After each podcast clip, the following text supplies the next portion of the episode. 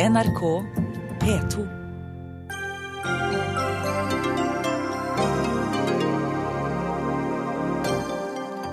Tyrkisk ungdom skulle hjelpe syrisk ungdom, så ble de sprengt i lufta. En grenseby fikk sitt eget Utøya.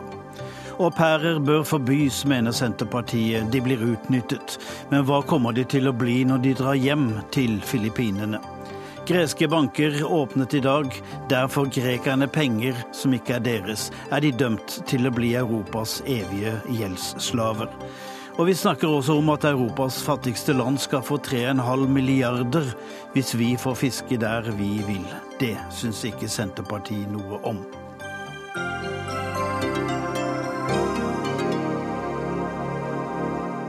God kveld, du lytter til Dagsnytt 18. Jeg heter Tom Kristiansen, og vi skal også gjennom de republikanske kandidatene til USAs presidentvalg neste år. Mye grått hår, men fargerike meninger, og vi skal møte en afrikansk despot. Men først til Tyrkia. Ungdom i Suruc var samlet for var samlet for at de skulle skaffe penger til å bygge opp igjen tvillingbyen Kobane rett over grensa. Så smalt det. En selvmordsbomber sprengte seg selv og 28 andre. 100 mennesker ble skadd i kulturhuset hvor de var samlet. Utenrikskorrespondent Kristin Solberg i Istanbul. Hvem har gjort dette? Ja, Det er nok litt for tidlig å konkludere, men tyrkiske myndigheter sier at foreløpig bevis peker mot IS. Eh, myndighetspersoner har sagt at dette kommer som et resultat av myndighetenes kamp mot det de kaller terrorisme. Og distriktsguvernøren i Suruc, der dette skjedde, har sagt at han tror det var en kvinnelig selvmordsbomber, og at IS trolig er ansvarlig. Men det er foreløpig ikke lagt fram noen bevis eh, for dette. Det er jo en hendelse som gjør inntrykk internasjonalt. For dette var ungdommer i et humanitært oppdrag. De skulle altså hjelpe de som bor i byen rett over grensa. Du har jo vært i denne byen, Suruc. Fortell om den. Ja, dette er en liten grenseby. Hovedsakelig befolket ja, der ble du litt borte, Kristin. Vi kommer tilbake til deg. Einar Wigen, du er Tyrkia-forsker ved Universitetet i Oslo. Hva slags angrep var dette? Hvis det stemmer at dette var et selvmordsangrep, så øker jo det sannsynligheten for at det er IS som står bak. Men det finnes jo andre grupperinger i Tyrkia som kan tenkes å, å være ute etter å ta denne eh, gruppen som var på vei til Kobane for å drive med gjenoppbygging der. Um, de ble, omtalt som solidaritetsarbeidere, hvilket jo stemmer, men de hører jo også til venstresiden i Tyrkia, som har en hel rekke fiender eh, spredt utover det politiske landskapet. Betyr det at det kan være et eh, politisk motiv for, eh, fordi de var sosialistisk ungdom, eller er det simpelthen for å gjøre et anslag mot humanitært arbeid? Nei, det er helt klart et politisk eh, aspekt til dette. her. Det, de drar til Kobane delvis fordi de sympatiserer med kurderne som har eh, drevet, fordrevet IS fra denne byen. Det er ikke tilfeldig at det er dit de drar for å, for å bygge opp.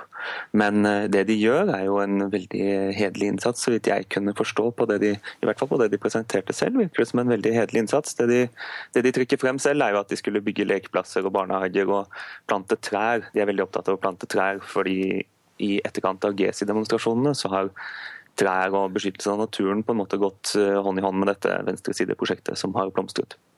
Eh, Kristin Solberg, du er med igjen. Fortell litt om denne byen Suruc. Ja, dette er en bitte liten grenseby, eh, hovedsakelig da befolket av kurdere. Og det er en tvillingby da av Koban. Tvillingby hørte vi, lenger kommer vi ikke. Eh, Vigen, jeg må tilbake til deg. Eh, kan du si noe om hva slags konsekvenser et slikt angrep eh, kan og vil få?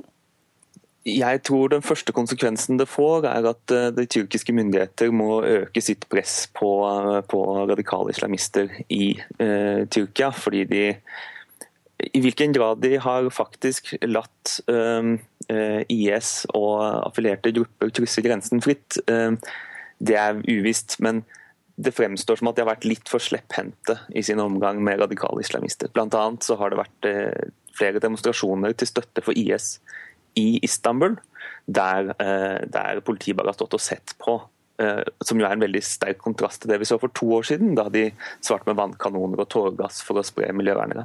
Kan det tenkes at Tyrkia vil gjengjelde dette?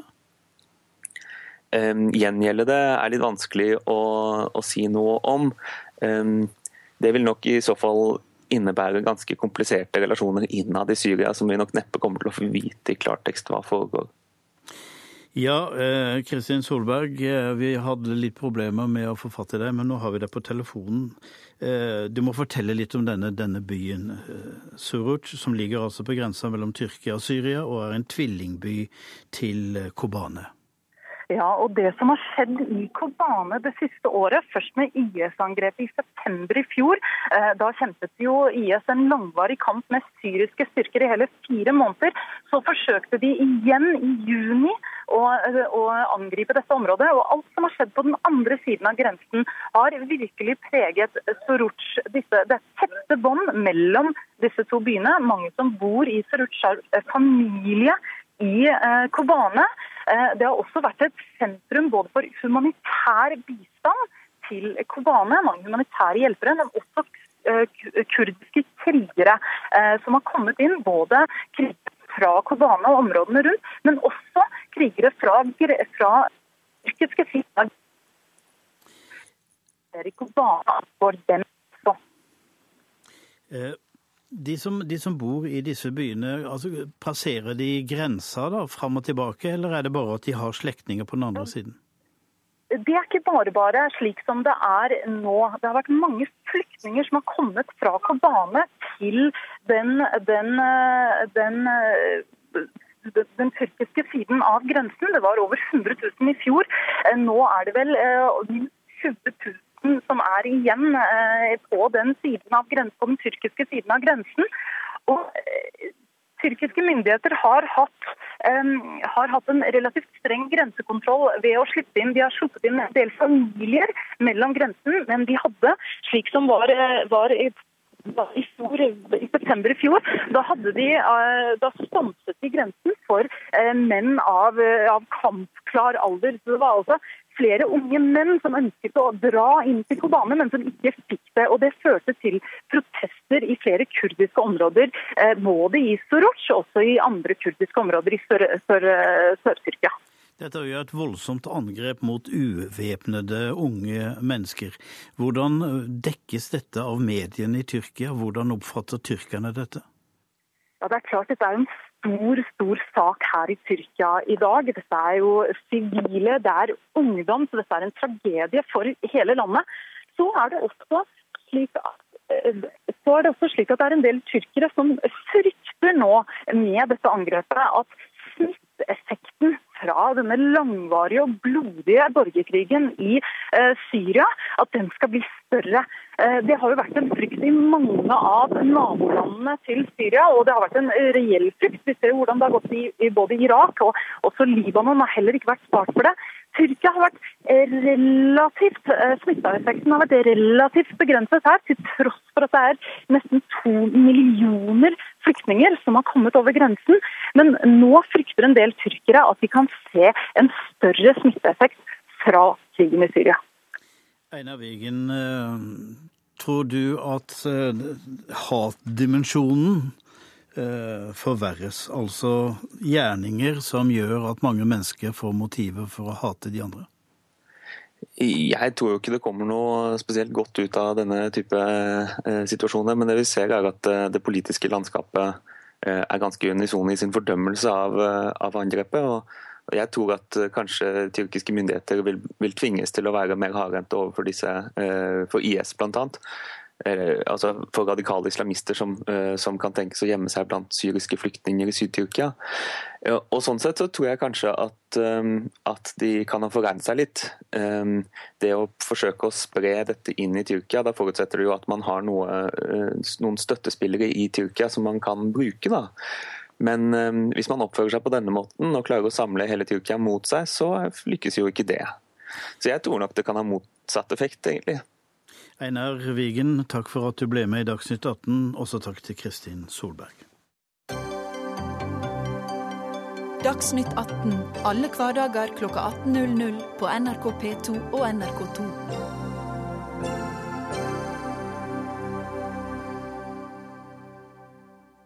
3,4 milliarder kroner i året. Det er prisen Norge må betale for fortsatt tilgang til det europeiske markedet. Norge og EU ble i morges enige om nye EØS-midler, og avtalen vil gjelde fram til 2021. Midlene EU får fra Norge skal brukes til å utjamne økonomiske og sosiale forskjeller i EUs fattigste land. Samtidig får norsk sjømat tilgang til det europeiske markedet. Og Vidar Helgesen, europaminister. Hvorfor er dette en god avtale? Det er en god avtale av to grunner. Det ene er at eh, vi eh, må ut med en eh, veldig rimelig økning. Det er snakk om en grovt sett en inflasjonsjustering av forrige periodes beløp.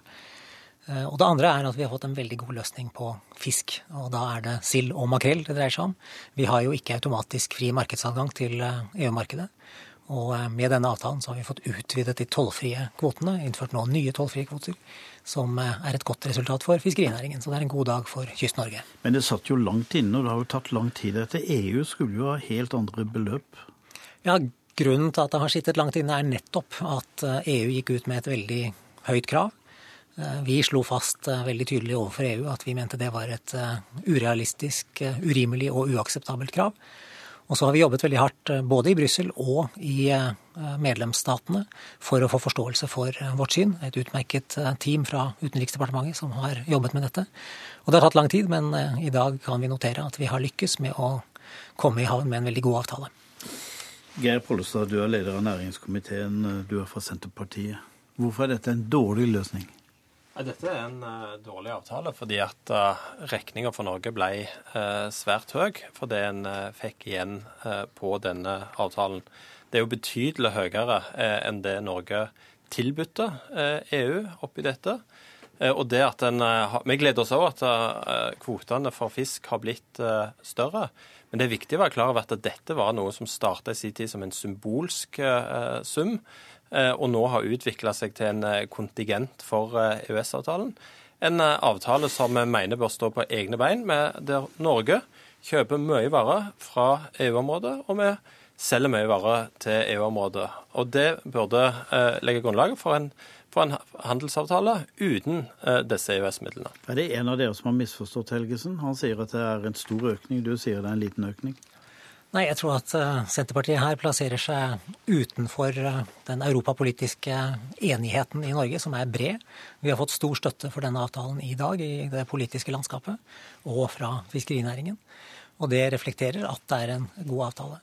Så ja, er... at EØS-avtalen dreier seg ikke bare om kjøp og salg, det er snakk om regelverk. Det er snakk om å gi norsk næringsliv samme spilleregler som de europeiske konkurrentene. Og det er ikke minst snakk om å få en tilgang til et eh, stort arbeidsmarked, som ikke minst eh, norske distrikter nyter godt av gjennom den store arbeidsinnvandringen til Norge. Det gjelder også landbruket og andre næringer i distriktene, som Senterpartiet burde være opptatt av å ivareta interessene til. Jo, men, men det stemmer, det, stemmer det, Pål, at i, i løpet av dagen har det jo kommet eh, i stor jubel fra hele havnæringen og fiskeribransjen. Ja, Det er gledelig at vi får til økte kvoter. Det vi reagerer på, det er når du skal vurdere om en avtale er god eller ikke, så må du se på prisen en må betale for det. 3,4 eh, milliarder i året. Skal en bruke det på uh, sosial og økonomisk utjevning, så ønsker Senterpartiet, og det støtter Senterpartiet, men vi ønsker å bruke det på en annen måte. Og vi ønsker å se bredere enn kun eh, Europa. Og det er på en måte vår tilnærming til denne men er saken. Er, er, er 3,5 milliard så veldig mye? Du kan ikke arrangere et OL for det engang? Det er en betydelig sum penger, og de erfaringene NRK har jo før sommeren avslørt litt av bruken av disse midlene. Og det ser jo ut som, selv om det er mange prosjekt som er gode innenfor EØS-midlene, så er det jo eksempel på Gjøkens dag og fuglekasser og andre eh, prosjekt som ikke er det disse landene trenger. Og det er jo det har Senterpartiet reagert eh, mot. Eh, derfor tenker vi la oss nå i en tid når EU kutter i sine budsjett, hvorfor skal da Norge tvinges til å øke sine bidrag? Norsk fisk er attraktiv vare. Norge er et land som har lave tollmurer rundt seg, lavere enn de fleste andre land. Det burde legge grunnlaget for gjensidig handel til fordel for norsk næringsliv og til fordel for forbrukere og næringsliv i EU. Jeg prøver meg på et dumt spørsmål, Helgesen. Hvorfor skal regjeringen ta regninga når alle inntektene kommer til andre, f.eks. havbusinessen? Det som er tilfellet med EØS-midlene, er jo at det er et solidaritetsbidrag. Det er et bidrag til sosial og økonomisk utjevning i Europa.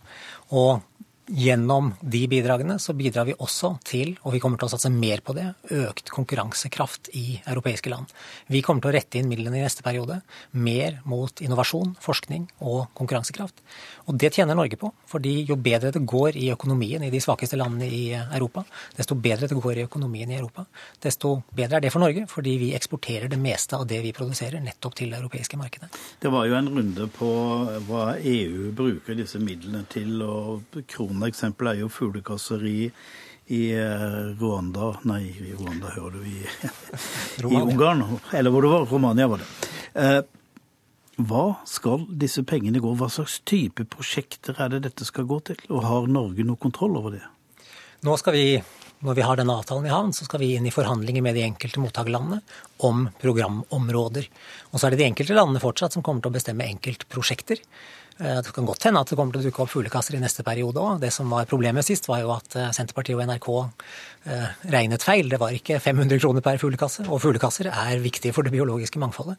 Og det var jo også en morsomhet at Senterpartiet selv var de som utformet forrige program. Så når man snakker om fuglekasser, så kan man også snakke om å skite i eget reir, for å si det på den måten. Der var vi opptatt av at vi skulle få med administrasjonskostnadene på disse fuglekassene. Det er klart at vi mener at uh, en kan bruke disse pengene bedre for å sikre sosial og økonomisk utjevning. Og det er jo et paradoks at på ene sida argumenterer regjeringen for at disse pengene er så viktige. På den andre sida har de sittet i halvannet år men prøvd å få beløpet så lågt som mulig.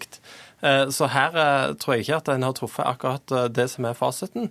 Sannheten er at en har inngått en avtale der Norge betaler en svært høy pris for, gjennom EØS-midlene for å få noe som Senterpartiet også støtter, nemlig et økt markedsadgang for fisk.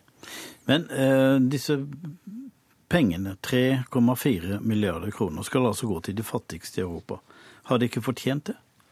Jo, Senterpartiet vil gjerne støtte opp om eh, innsats for en sosial økonomisk utjevning. Du sier det er for mye? Nei, men vi ønsker kanskje å bruke dem på andre måter. Senterpartiet er et av de partiene som har vist størst forståelse for situasjonen ja, Hellas har vært i. Hva er det som er galt med den måten de skal brukes på? Det har vi sett uh, i de uh, eksemplene som, som, var her tidligere i debatten. Ja, Men det var de kuriøse greiene med jo, men det var mange. Og... Det var ikke snakk om et fåtall, en håndfull. Det var snakk om en mengde. Uh, og en skal tenke at når en skal fylle opp på disse, så er det andre måter en kan gjøre det bedre på. og Da må vi ha tiltak som treffer folk mer direkte, pluss at det er en verden ut forbi EU òg. Det er derfor Senterpartiet foreslår å øke bistandsbudsjettene globalt. Eh, nettopp for å møte de aller mest hjelpetrengende og aller fattigste. Flere fuglekasser til Europa, Helgesen. Til slutt. Blir eh, ikke nødvendigvis flere fuglekasser, men det blir færre innsatsområder enn i forrige periode. Og vi kommer til å rette innsatsen mye mer mot jobbskaping. Vi kommer til å se på arbeidskraftsmobilitet, satse på, at unge mennesker skal få jobb. Og når det er snakk om Hellas, det enkeltlandet som kommer til å få den største økningen i innsatsen her, er nettopp Hellas. Dette er en, eh, en pakke som bidrar til sosial og økonomisk utjevning i de landene som sliter mest. Og det er mange europeiske land som sliter nå, og det er land som står oss nære. Og det er land som vi samarbeider tett med. Og eh, det er jo et viktig element med EØS-ordningen. Det er ikke bare snakk om å gi penger, det er også snakk om gode samarbeid mellom norske institusjoner og institusjoner i disse samarbeidslandene. Så det styrker Norges europapolitikk at vi uh, har EØS-ordningen. Men det blir dyrt for norske skattebetalere. Vent litt, nå må jeg dessverre avbryte dere. Og takk til deg, Vidar Helgesen, europaminister, og Pollestad. Du skal få si mer, men om et annet tema.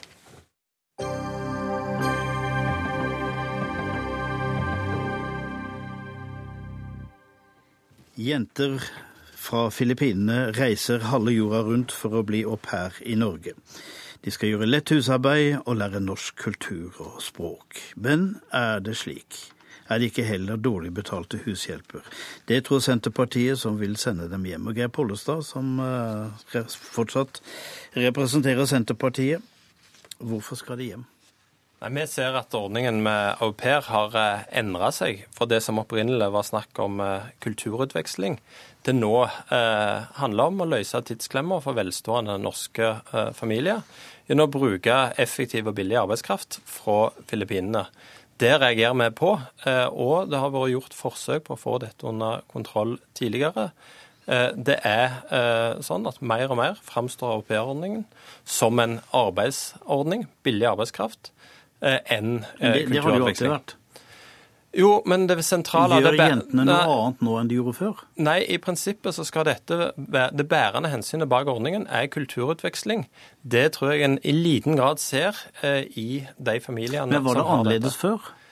Det var en annen, Dette er jo en ordning som har historie tilbake til 1800-tallet, når uh, sveitsiske bondejenter kom inn til byen, organiserte kirka for å lære uh, å ta seg av hus og hjem. Uh, så ja, det har endra seg over tid. Samfunnet er et uh, annet. Eh, og en kan spørre seg hvorfor det er spesielt på Filippinene at det er så stort behov for økt forståelse for norsk språk og kultur.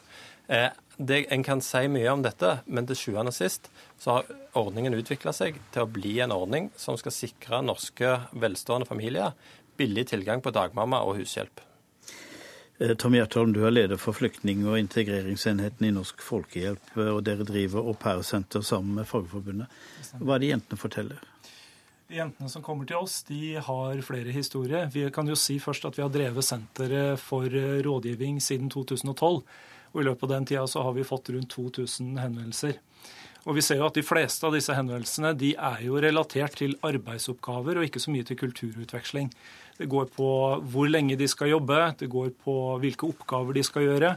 Og, og det går også på kompensasjon og skatt osv. Så, videre. så vi ser også at uh, Eh, ordningen har endret seg eh, ut ifra det som kanskje var utgangspunktet for nesten 50 år siden, da EU-kommisjonen eh, ble laget, som regulerer den ordningen her i dag. Men eh, mange av disse jentene kommer fra Filippinene, som du nevnte, og som vel ikke er for godt vant med verken lønninger, arbeidsordninger eller arbeidstider. De klager likevel? Ja, det vi ser, det er jo viktig at både de som kommer hit som au pair, og vertsfamiliene setter seg inn i hva det innebærer hva ordningen innebærer. og Der ser vi kunnskapsmangel. og Det er noe av det vi jobber eh, for på rådgivningssenteret, det er å spre informasjon. Men vi ser allikevel at eh, det kommer saker hvor det er tvil, spesielt i arbeidsoppgaver. Og det er mange av de som jobber som au pair, som da sier at de jobber mer enn disse 30 timene som er begrensninga for at det skal kunne kalles, eller at man skal få tid til å lære seg språk og kultur. Vær vennlig å ta på dere øretelefonene, for vi skal snakke med Elisabeth Stubberud, som er forsker ved tverrfaglig studie på NTNU i Trondheim, og som har forsket nettopp på au pairene. Og noe av det du fant, Stubberud, det var at rollen deres i familien var litt uklar. Ja, altså det er jo utrolig vanskelig. Eh, regelverket er uklart. Au pairene kommer eh, og eh, tror kanskje at de er et familiemedlem, eller de tror at de er arbeidere, og så finner ut at vertsfamilien kanskje har den samme eh, som dem, eller en helt annen. Det er umulig å si på forhånd. I tillegg så bor jo au pairen på arbeidsplassen. Så det å, å, sette grenser for arbeidstid og for arbeidsoppgaver og for altså, interaksjon med vertsfamilien er rett og slett veldig vanskelig. Å bli en del av en familie høres jo ut som et vellykket prosjekt, da. Ja, altså det er jo mange som prøver på det, og det er sikkert mange som får det til også. Eh, men problemet er at au pairene gjør arbeidsoppgaver som vertsfamilien ikke ønsker å gjøre sjøl, og de gjør det for veldig lite penger. Og det er et dårlig utgangspunkt for å, å være på like fot. De du har snakket med, vil du si at de sier de selv at de trives som au pair? Det er jo veldig forskjellig. Altså, det er klart at uh, mange har mye positivt å si og liker å lære norsk og liker å bli kjent eh, med, med kulturen og liker å skaffe seg venner og har det fint på fritida. Altså, jeg, jeg har ikke snakka med noen som hadde en uh, entydig positiv uh, fortelling om arbeidet. Men de har kommet veldig langt. Hvorfor kom de akkurat til Norge? Det er jo ekstremt forskjellig, da. Altså, nå er det ikke sånn at alle eh, au pairer er fra Filippinene. Eh, og det er heller ikke sånn at alle au pairer fra Filippinene kommer hit utelukkende for å jobbe. Altså det, motivasjonen til au pairene er veldig forskjellig. Mange er genuint interessert i språk og kultur. Eh, mange har utferdstrang, mange ønsker å jobbe, og for de fleste så er det nok en kombinasjon av flere ting. Blir de værende noen, eller reiser de hjem igjen? Eh, det er vel um, omtrent en tredjedel som får nye visum. Altså hvor mange av europeerne som blir værende, det vet vi jo ikke. Og vi vet jo heller ikke hvor mange europeere som kommer som au pairer til Norge. Men mange blir nok værende, ja. Siri Melling, du er stortingsrepresentant for uh, Høyre. Fungerer denne ordningen som den skal? Altså, eksemplene viser jo at 100% fungerer jo ikke denne ordningen. Men spørsmålet er jo om vi skal avskaffe en hel ordning pga. At, på grunn av at enkelte familier synder mot det som er rammene for denne ordningen. Og Da mener vi at det er viktigere å fokusere eh, og ta disse som synder mot ordningene, enn å avvikle en hel ordning. Ja, Men hvordan i all verden skal du gjøre det? Skal du gå inn i hjemmene? Altså, Nå ble det jo eh, etablert dette senteret som Norsk Folkehjelp eh, bl.a. står bak, som skal bidra med informasjon og hjelp til de som, som trenger både kunnskap og eventuelt hjelp til å gjøre noe i forhold til sin situasjon. Så ble det jo òg i 2013 etablert en såkalt karanteneordning, hvor eh, familier som misbruker ordningen, blir svartelistet og satt i karantene. Og per dato så er det vel kanskje fem familier dette omfatter, så er det en tjuetall som nå er i søkelyset. Og det er klart at det å sanksjonere på denne måten kan òg bidra i positiv retning. Det er gjerne litt tidlig å konkludere ennå på det. Kanskje trengs det sterkere virkemidler, kanskje trengs det bøtelegging. Kanskje trengs det mer eh, informasjon til eh, au pairene og vertsfamiliene. Men igjen, det å avvikle en hel ordning pga. at enkelte synder, tenker vi er for drastisk. Og det er jo ikke noe nytt, dette her. Vi ser det jo i arbeidslivet òg, med sosial dumping. Bøndene har jo i mange år benyttet seg av billig arbeidskraft, hatt egne ordninger for det. Har vært syndet der òg. Men med det avskaffer vi jo ikke ordningen, men vi går på de som synder mot ordningen. Og, og det tenker vi at det sporet må vi forfølge, for det er jo ikke akseptabelt at ja, familier skal utnytte uh, au pairer på en utilbørlig måte. Det, ja, Paul, det kan vi ikke er dette, er dette privatlivets uh, avløsere? En kan jo uh, få, få, et visst inntrykk av det. og det som, som, er, altså Vår kritikk går ikke bare på de liksom, skrekkeksemplene vi har sett. Det er jo hva er gjennom, altså, i snitt norske familiers motivasjon for å ha dette. Ligger det et ønske om å bidra til en kulturutveksling, eller ligger det kun et ønske eh, om å få løst praktiske gjøremål i tenk heimen? Det, tenk om det er begge deler? Jo, men jeg, vi opplever at uh, stadig større grad så er det en etterspørsel etter det å få løst problemet. og Det er jo en eh, Fafo-rapport fra 2009. Der blir det pekt på nettopp hvorfor er filippinske jenter attraktive. Jo, fordi de er kjent som profesjonelle, hardtarbeidende hushjelper. Og Det er ikke den utviklingen som vi ønsker å gå. Da må vi heller finne andre måter eh, å eh, ha kulturutveksling på. Og for de som ønsker å ha hushjelp, dagmamma, så må en betale den prisen som det har gjennom å ansette folk i et ordinært ansettelsesforhold. Og da vil kostnadene bli helt andre. Mener du, mener du at dette er feil også når jentene ikke klager? Dette har blitt et skinn eh, der aupairordningen fordekker at eh, flere, eh, eller stort antall norske familier får en hushjelp og en dagmamma som har en betaling som ikke står i stil med det som er gjeldende betalinger, uten at det har den nødvendige legitimiteten i denne kulturutvekslingen, som var hele ordningens tanke. Så tida har på mange måter løpt fra ordningen jeg syns at dette her er en altfor bastant eh, holdning i forhold til at enkelte synder mot en ordning. Her må vi huske at dette er en del av mangfoldet. Eh, som òg eh, norske familier kan benytte seg av. Og det er flere ungdommer som har benyttet seg av denne ordningen gjennom årene. Og bidrar til et kulturelt mangfold. Så, så, det å skulle avvikle hele denne ordningen pga. at enkelte synder, det tenker jeg blir veldig feil. Da er det bedre og heller rette skytset mot de familiene og, og, som, som, som, ikke klarer å holde seg innenfor de rammene. Unnskyld, Gjertom. Ja, jeg jeg syns det er veldig viktig debatt, og jeg synes det er veldig viktig at debatten fortsetter. Eh, og at vi da får fokus på Eh, på det nå i løpet av høsten, var en full gjennomgang av ordningen. Og også at vi ser på rettighetene til au pairene. Og er det hushjelpjobb som blir utført, så, så må det være andre eh, ting som gjelder. Blant annet så har da au pairene per i dag ikke noe beskyttelse gjennom arbeidsmiljøloven. Det er ikke noen tilsynsmyndigheter som følger opp ordningen. Og, så da må det gjøres grep for at det skal bli eh, bedre. Og vi mener også det at vi må ha et, eh, et uavhengig Eh, og Per rådgivningssenter så lenge ordningen består. Stubberud, eh, disse familiene, er de genuint opptatt av kulturell utveksling? Altså, jeg har jo ikke intervjua familiene. Um, tidligere forskning uh, tyder på at familiene stort sett skaffer seg au pair fordi de opplever å trenge altså, hjelp i hjemmet. Um, Er det et misbruk av ordningen? Altså, jeg er jo uenig i den fortellinga om at eh, før var europeerordninga kulturutveksling, og nå er den arbeid. Altså, Den har alltid vært arbeid. Uh, I tillegg så vil jeg gjerne kommentere det, det, forslaget som Senterpartiet kommer med. Altså, Ved å uh, såkalt avvikle ordninga, så, så, det du gjør da, er at du, du avvikler en visumkategori. Og du fjerner et regelverk. Og du fjerner også hjelpeorganisasjoner sånn som Au Pair Senteret i Oslo. Um, men du stenger jo ikke altså du, du stenger jo ikke ute au pairene. Au pairer fra Europa vil jo fremdeles kunne komme. altså Det er bare å se på Storbritannia. De fjerna visumkategorien au pair i 2008. Nå er det opp mot 90 000 au pairer som jobber under fullstendig deregulerte forhold. Så det er rett og slett ikke en løsning, det Senterpartiet foreslår. Pollestad, jeg er lei for å si det, men du får ikke svare på dette, for nå er tida ute. Men takk for at du kom.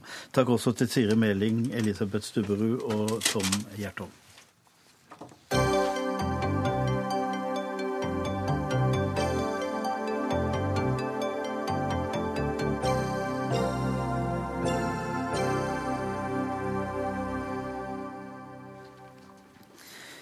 I dag åpnet de greske bankene igjen, og det er vel det eneste lyspunktet så langt. For nå leter grekerne etter det som måtte være av normal hverdag. Kanskje har den siste uka endret ikke bare Hellas, men hele Europa, og mange er dypt urolige. Og uh, Jan Erik Fossum, du er professor ved Senter for europaforskning ved Universitetet i Oslo. Når støvet har eh, lagt seg, hva slags Hellas er det landet blitt? Ja, vi kan gå, ta et skritt tilbake og tenke på at på mange måter så um, har historien våknet opp igjen, kommet til live på en annen måte. På ene siden så ser vi jo at Hellas har um, blitt møtt med det etterslepet de har hatt med å utvikle administrasjonen og effektivisere systemet sitt, skatteinnkreving osv. Så, videre. så det er jo et av anklagene mot Hellas, kan man si. Uh, på andre siden så ser vi òg at noe av den skyggen fra tidligere verdenskriger kommer opp igjen gjennom disse negative stereotypiene som uh, utvikles og folk forsøker å trekke politisk gevinst på. På begge sider, faktisk. Så dette er jo ting som man i Europa ønsket å legge til side. Det spørs jo nå videre i Hellas hvordan demokratiet klarer å konsolidere seg. Det, det er et problem her òg i, i, forhold til, til uh, Hellas i, i EU. for det nytter ikke å snakke om Hellas som atskilt fra EU. Hellas er inkorporert i dette systemet, slik at ting henger sammen her veldig tydelig. Og da, Det spørs jo i hvilken grad um, Hellas er i stand til å uh, reformere seg selv innenfor å få hjelp fra de andre statene. Altså. Men nå er det jo mange ganger blitt sagt at Europa utvikles gjennom kriser. Men jeg er ikke sikker på at denne krisa vil utvikle Europa? Nei, altså, Det var faktisk eh, en av uh, grunnleggende dannerne i EU som sa dette. Jean Monnet sa dette, at EU utvikler seg gjennom kriser. Vi har sett ganske mye av det òg, at demokratiet har gjennom kriser vært i stand til å, å uh, Vi har fått demokratisering i forbindelse med mange kriser, Men jeg er enig med deg at i denne krisen så er det faktisk mer usikkert. Fordi at vi har, vi, vi har fått en det er jo et mye større og vanskeligere system. Det er et mer differensiert system. Og vi ser òg at de institusjonene som på en måte skal holde systemet sammen, har blitt svekket. Kommisjonen har blitt litt satt til side. Det europeiske råd, statslederne som forhandler prosesser, de har kommet mye mer sentralt inn i prosessen. Det gjør det, gjør det mer, mindre predikerbart og mindre fundert på rett, selv om man alle ønsker å ha politikken basert på retten. Men eh, får vi nå et Europa med noen rike onkler i nord og noen fattige fetter i sør? Hvis man ikke får til en større grad av omfordeling og en, og en, en utvikling av vekst som eh, dekker både sør og nord, så kan vi se dette, ja. Det, det, det, er for tidlig å si akkurat dette, men det er klart det at man ser et tydeligere skille nå. Og det, det virkelig problematiske er jo det at mye av velferds- og sosialordningen i sør har jo blitt uh, gjenstand for dette gjennom den strukturskjevheten som er bakt inn i EU i det øyeblikket man begynner å få til sterkere ordninger og omfordeling, så vil vi få et annet bilde. Men det er akkurat den politiske viljen å få til det som er veldig vanskelig. Ja, Simen Ekern, du er journalist og forfatter. Du er i, eh, i Roma for tiden. I hvilken grad tror du at Europa er villig til å ta den omfordelingen som eh, trengs? Du har jo skrevet en bok om europeere. Ja, nei, vi ser jo at det er temmelig eh, vanskelig å finne en eh, statsleder i Europa i dag som, som, er villig til å si at eh, det beste for oss alle er hvis alle sammen trekker i samme retning. For å bli valgt så, så ser, ser, man at man er nødt til å framstå som en politiker som først og fremst tenker på sitt eget land og, og sine egne velgere. Og, og, og, da blir det kanskje vanskelig med, med med en sånn type sprang da, over i et uh, Europa som, som uh, er mer styrt av fellesskapet, og der en del av det man pleier å kalle nasjonal selvråderett, uh, viker til fordel for et bedre sammensatt system for, for samarbeid. Og Det er vrient i Europa i kjølvannet av krisa. Det har ikke blitt noe enklere etter de siste månedenes greske kaos. Ja, Hvordan syns du eh, dette ser ut fra der du nå sitter? Du sitter jo i det sørlige, sørlige delen av eh, Europa. Ja, her ser man eh, nok på eh, veldig mange politikere, på eh, kommentarer i avisene, så er det mange som savner et tettere samarbeid i Europa. Mange som mener at den europeiske ideen ble sviktet på et eller annet vis i, det vi har sett nå i Hellas, og, at man trenger å, gå nærmere. Og Det henger jo sammen med at mange i Italia er nervøse for en sånn utvikling der nord og sør blir for splitta, og, og, Italia blir eh, hengende igjen i en sånn gruppe med fattige fettere i sør, eh, som du sier. Parallelt med det, med dem som ønsker seg tettere samarbeid i Europa, så ser vi også her i, i Hellas eh, en, en, god del eh, støtte til, til, nye populistiske bevegelser. Den tidligere komikeren Beppe Grillo, som, eh, som, til å begynne med var litt usikker på hva han mente om Europa, men som nå har blitt en, en, en euro motstander og er sint på eliten i Brussel, som han sier. Så det er nokså delt her. Fossum, Fossum nevner jo her nærmest fortellingen om Europa, det store fellesskapet osv. Eh, det krever eh, mye uselviskhet, og det vi vel ser, er at eh, de nasjonale stereotypene i stedet får feste seg.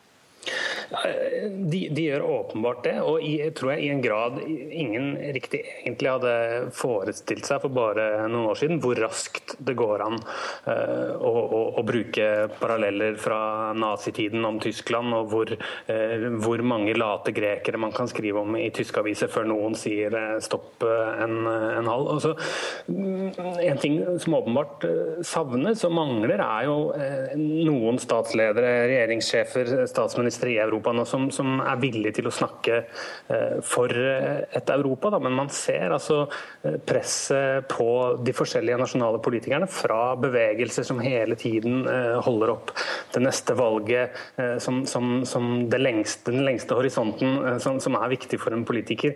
Og det å være en, en, en politiker som, forsvarer sitt land, blir på en måte det eneste, den eneste målestokken for en dyktig politiker og I et sånt bilde så er det vanskelig å se for seg en som sier jeg snakker om hele Europa, ikke bare om lokalvalget i neste uke, der jeg, mitt parti eh, stiller, stiller til valg. Så, Fossum, så Fossum må slippe litt til her, for jeg har et spørsmål til deg om denne forsoningsprosessen i Europa, samle Europa etter krigen, det store EU-prosjektet. Har det stoppet opp? Nei, det tror jeg ikke det har. Det, Eh, det, det, vi, det, er to ting her. Det, det, vi ser nå, det er jo at EU, EU, og Europa det, er å balansere enhet og mangfold. Europas uh, store styrke har òg faktisk vært mangfoldet. Og det å, å kunne leve med mangfold det gir faktisk òg demokratiet større muligheter. Men det å finne den rette balanse mellom dette, det er, det er en veldig vanskelig ting. Forsoningsprosjektet det var noe annet. Det dreide seg om så sterke traumer at man var blitt fiender. Og dette var jo avleire i lengre tid. EU-systemet var bygd faktisk Human-erklæringen så er det veldig tydelig at dette var et forsoningsprosjekt. og Det tufter på den ideen. Det sitter veldig sterkt i folk. Det Men er, det samtidig tufta på den ideen at noen er rike og noen er fattige? Nei, langt ifra. Nei, på ingen måte. Men det er klart det at det omfatter ikke sosioøkonomiske forhold på den måten. Det omfatter mye sterkere type eh, krigserfaringer. Nå må vi inn i og se på hva som er problemet med sosioøkonomiske forhold. Men der møter man andre modeller. Den amerikanske modellen med selvhjelp og såkalte undeserving poor, som er en ganske vanskelig idé. Den europeiske ideen har jo vært mer universalistisk med i forhold til sosiale ordninger. Den, står, den er det virkelig som, som er under true nå, altså, i, i, prosessen. Og hvis man mister den, så har man mistet veldig mye. Da sier jeg takk til deg, professor Jon Erik Fossum, og forfatter og journalist Simen Eken. Hør Dagsnytt 18 når du vil. Radio NRK Radio.nrk.no.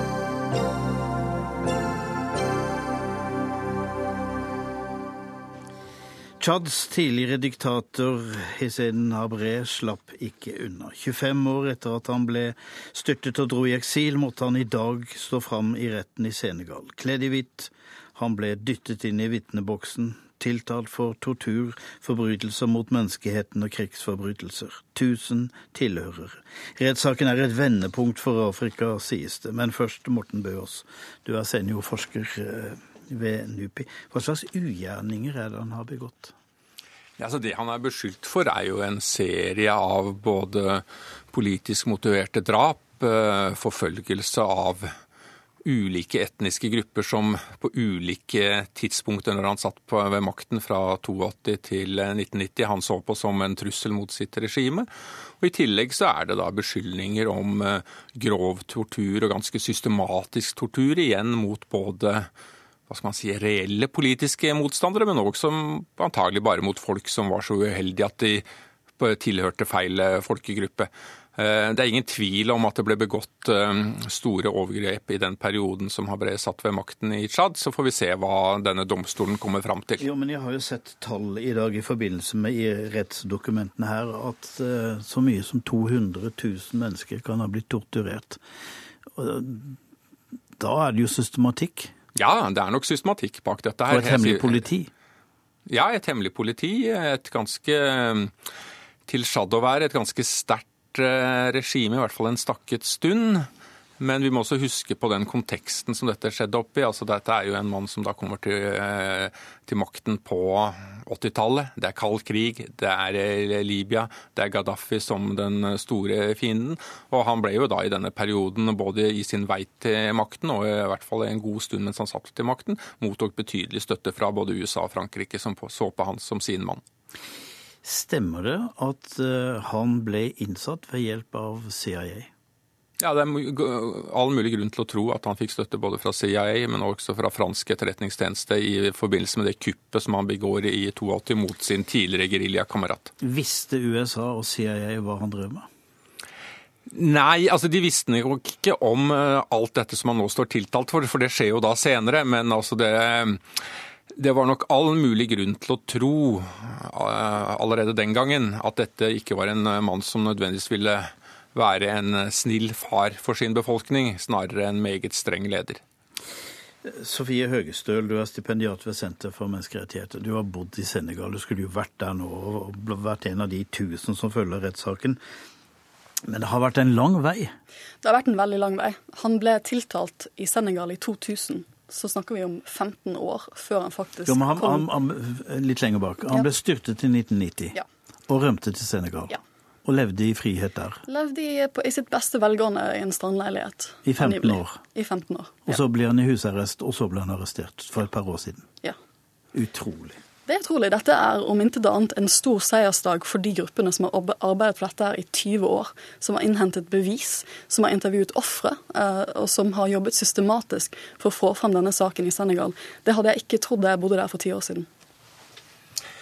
Ja, altså Det er uh, ingen tvil om at uh, det, er, det, er, en grunn til at dette skjer nå, og at det ikke skjer i 1990.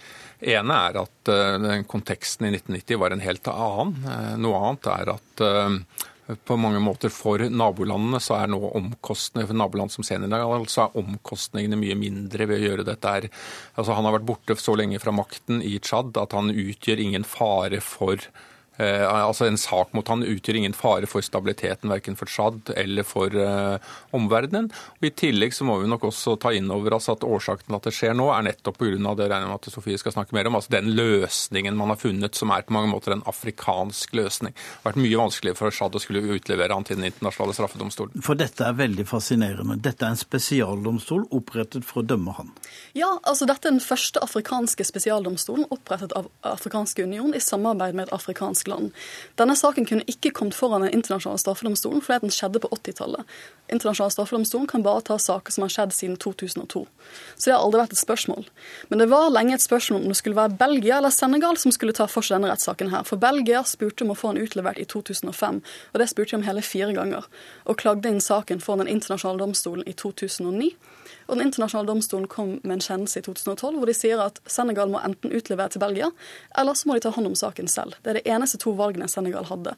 Og da, i samarbeid med Den afrikanske union, inngikk Senegal en avtale med Af afrikanske union om å opprette denne veldig spesielle domstolen, som skal bare ta for seg sakene som har skjedd i Tsjad.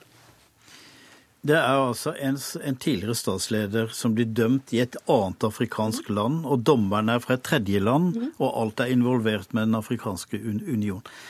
Er det også litt protest mot Den internasjonale straffedomstolen, som jo bare er ute etter afrikanere? Det var nok ikke det i 2012, for det var, det var nok året før det virkelig skar seg mellom Afghansk union og ICC.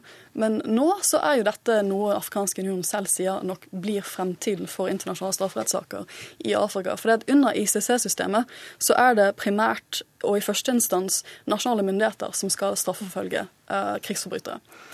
Og det kan de velge å gjøre hvordan de vil selv. Så hvis de da vil sende det til en regional, regional domstol i Afrika, så har de under sin fulle rett å gjøre det under ICC-systemet. Høgestøl, det er en lang tradisjon for afrikanske statsledere som verner hverandre. Man skylder på kolonimaktene. Dere var verre enn det noen er her nå. Er dette et vendepunkt? Det kan være et vendepunkt. Det er jo litt ironisk, for han, han måtte jo forlate rettssalen i dag eh, i protest. Og da, idet han ble dratt ut, så ropte han imperialisme.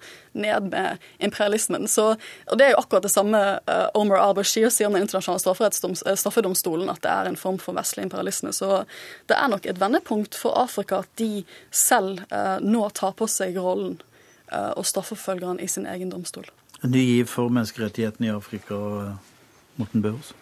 Jeg er nok litt usikker på det. Eh, årsaken til det er først og fremst at dette er en veldig spesiell sak. Altså Den er spesiell for den, i den forstand at det er lenge siden han har sittet ved makten. Han har vært lenge borte fra Tsjad. Han, ja, han har levd greit i Senegal, det er jeg helt enig i, men han har ikke vært, de har passet på at han ikke har vært i stand til å utøve noe større innflytelse, verken i sitt eget land eller i regionen. Så han er, har sittet der som en ganske, etter hvert ganske impotent tidligere leder. Han hadde ingen venner igjen. Det er ingen som bryr seg om ham. Det er ingen som, det er ingen, han kan ikke dra med seg noen andre ned i et dragsug i denne saken, for det handler om ting som har skjedd for så lenge siden. At uh, hvis han virkelig begynner å snakke, så de, de dette virkelig kan bli pinlig for, er eventuelt altså hans tidligere støttespillere i Paris og Washington, som kan nok få noen pinlige øyeblikk hvis uh, Habré skulle finne på å fortelle alt om hva som skjedde i denne perioden. Jeg er ikke så sikker på om han gjør det, men det hadde vært moro om han gjorde det. Men dette, betyr dette at man nå kommer til å straffeforfølge også andre type, altså andre tidligere ledere, og ikke minst da kommer han til å gå etter sittende ledere eh, i, eh, i form av en slik afrikansk domstol. Det har jeg veldig liten tro på. Ja, Det sitter jo rundt i forskjellige afrikanske land tidligere statsledere som sitter musestille og ikke gjør så mye ut av seg. Du tror heller ikke de kommer til å bli trukket for domstolen? Jeg tror at når man først har skapt en sånn mekanisme, og andre ofre og organisasjoner som Human Rights Watch, som har vært helt essensielle i denne prosessen, ser at det har vært en mulighet til tilfelle her, så kommer de til å jobbe beinhardt for å få lignende mekanismer for. Men jeg er nok enig i den analysen at det i første omgang blir personer som er litt impotente, som ikke er viktige, som har gått av makten. Men det er en, nok en ny dag i dag for uh, afrikanske, tidligere afrikanske ledere som sitter rundt omkring. Men er det ikke likevel et slags sånn tegn da på at eh, man har snudd et, eh, et tungt kontinent noen grader? Jo, det er det. Og det, det, dette er et tegn på som er interessant, altså det er den sterkere institusjonelle modenheten på et eh, regionalt nivå i Afrika. Altså En del av de afrikanske statene begynner å bli sterkere. altså De får sterkere institusjoner, de blir mer styringsdyktige. Nødvendigvis ikke nødvendigvis mer demokratiske à la våre liberale flerpartisystemer, men de blir mer styringsdyktige. og Dette begynner også å gjenspeile seg på både et regionalt nivå, som ECOWAS i Vest-Afrika, og ikke minst i Den afrikanske union. Og Dette er et steg fremover i hva skal man si, institusjonaliseringen av politikken på kontinentet. Og det er jeg helt enig i. Det er positivt. Høgestøl, hvis han blir dømt, hvilken dom får han? Livstid. Og det er, eh, da er han heldig? da er han heldig. Han er jo 72 år, så det blir jo ikke en så lang dom uh, uansett. Men jeg skulle nok tro at det blir livstid med den tiltalen som står i dag. Men det vet vi ikke. Det blir en ny domstol som skal sette nye regler for sin strafferamme. Da sier jeg takk til dere, Sofie Høgestøl og Morten Bøås.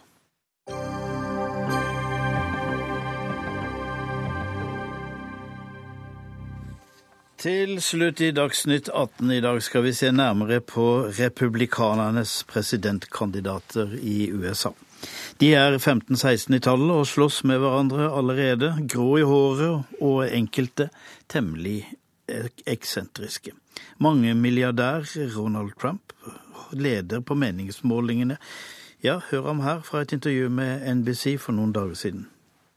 The country of Mexico is killing us. The country of Mexico is taking our jobs.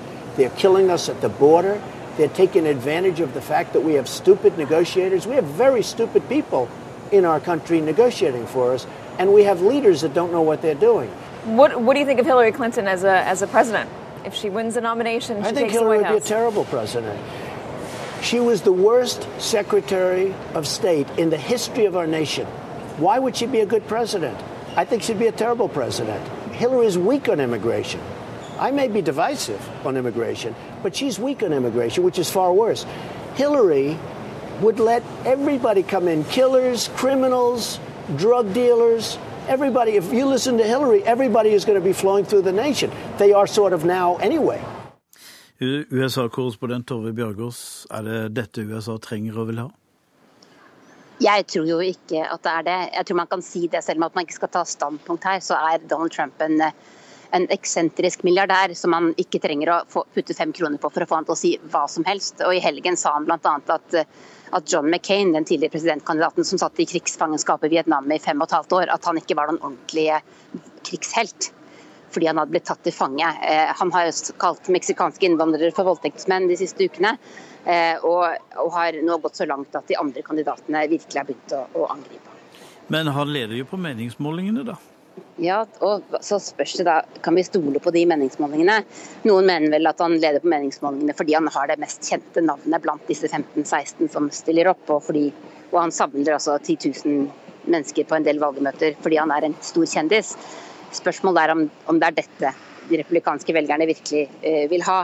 Eh, men vi vil jo få et svar på det eh, relativt snart. Det er jo altså Rett over jul så begynner nominasjonsvalgene. Men det som vil skje nå, det er jo at Donald Trump vil få være med i den første TV-debatten mellom disse kandidatene, og gjøre den til litt av et underholdningsprogram.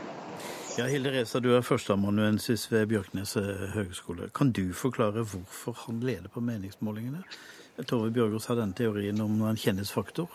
Ja, jeg tror at hun er inne på noe viktig. fordi at så så tidlig som vi er nå inne i den syklusen, så er det eh, ikke så mange som bryr seg, ikke så mange som følger med. Og hvis man blir ringt opp og spurt om hvem liker du, Jeb Bush, Marco Rubio eller Donald Trump, så er det kanskje bare Donald Trump man har hørt om.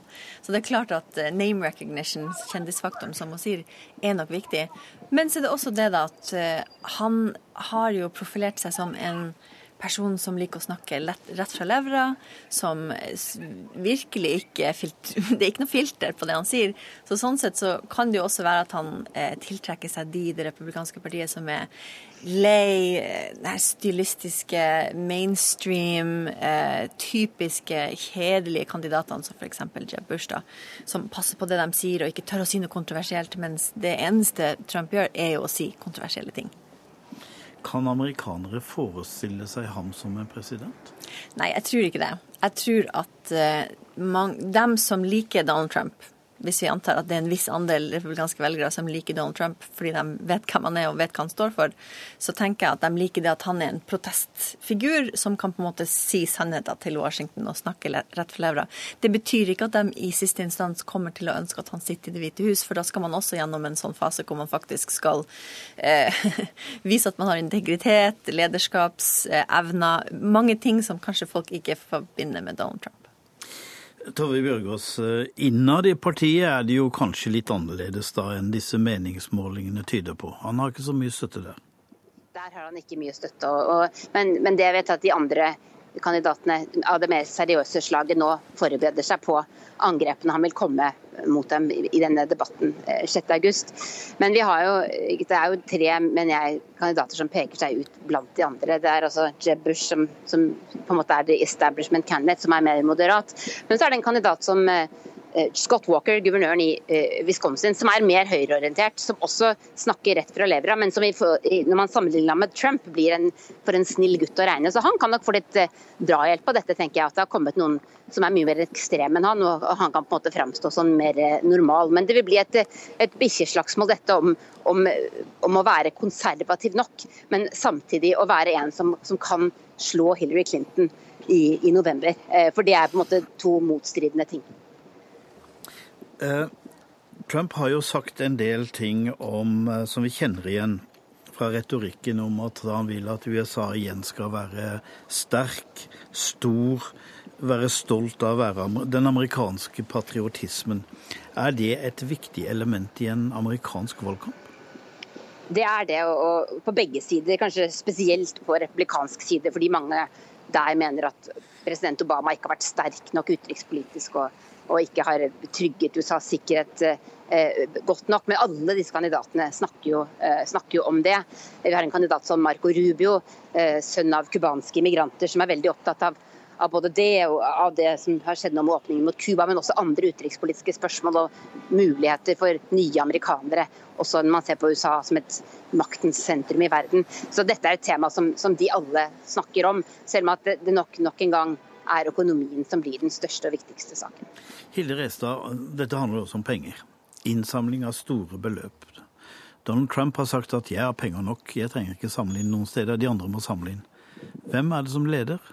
Det, ja, Hvis man vil eh, snakke om det som egentlig er viktig for, for, å se litt fremover, hvem som kommer til å vare i det her eh, racet, så er det jo ikke folk som Donald Trump. Det er jo dem som er mer seriøse kandidater, som f.eks. Jeb Bush, som da leder pengekonkurransen. Og den konkurransen er jo nesten viktigst. Han har altså klart å samle inn over 100 millioner dollar eh, så langt. Han leder klart av alle kandidatene på, i begge partier. Nærmer seg en milliard? kroner. Ja, det, det, er helt utrolig. Eh, det her henger mye sammen med dereguleringa av eh, valgkampfinansieringslovverket i USA, som kan, kanskje kan bli litt detaljert og, og, vanskelig. Men siden 2010, eh, da Høyesterett egentlig deregulerte hele, det feltet i en avgjørelse som heter Citizen United, så har det blitt oppstått noe som heter Superpacs, som er helt uavhengige såkalt uavhengige organisasjoner, som kan samle inn penger i bøtte og spann uten begrensninger eh, på vegne av kandidater, selv om man ikke offisielt har lov å koordinere med den kandidaten. Så det er da det som er grunnen til at Jeb Bush har samla inn over 100 millioner dollar, eh, er denne superpacken hans. Hillary Clinton kommer inn på nummer to. Litt og over 60. Og de som har gitt masse penger, de blir da, hvis kandidaten vinner, ambassadører i Norge og andre steder. Det har vi sett mye eksempler på i Norge, ja. Ville ikke vi kalt det korrupsjon hvis det var et annet land enn USA? Eh, ja, kanskje. Eh, det er jo mange som mener at Høyesterett sin avgjørelse i 2010 har ført til at det blir mer korrupsjon i amerikansk politikk. Dette er jo også en debatt i USA. Hvor mye skal vi regulere det her? På, hvilken, på, hvilket nivå havner vi over i et korrumpert system? Eh, det er mange som mener at det var korrumpert også før 2010. Men det er helt klart at nå lever vi i en litt annen verden når det kommer til amerikanske valgkamper. Det har jo ikke vært Det er bare 2012 er den eneste valgkampen i USA som har levd i det her nye regimet. Og så, for sikkerhets skyld, legger jeg til at opptil flere av kandidatene har drevet svært lite med politikk. Men det ender 16 måneder igjen til valget, og det er bare noen sekunder igjen til Dagsnytt 18 er over. Ansvarlig for sendinga har vært Berit Ytrehus, teknisk ansvarlig Lisbeth Sellereite, og jeg heter Tom Christiansen.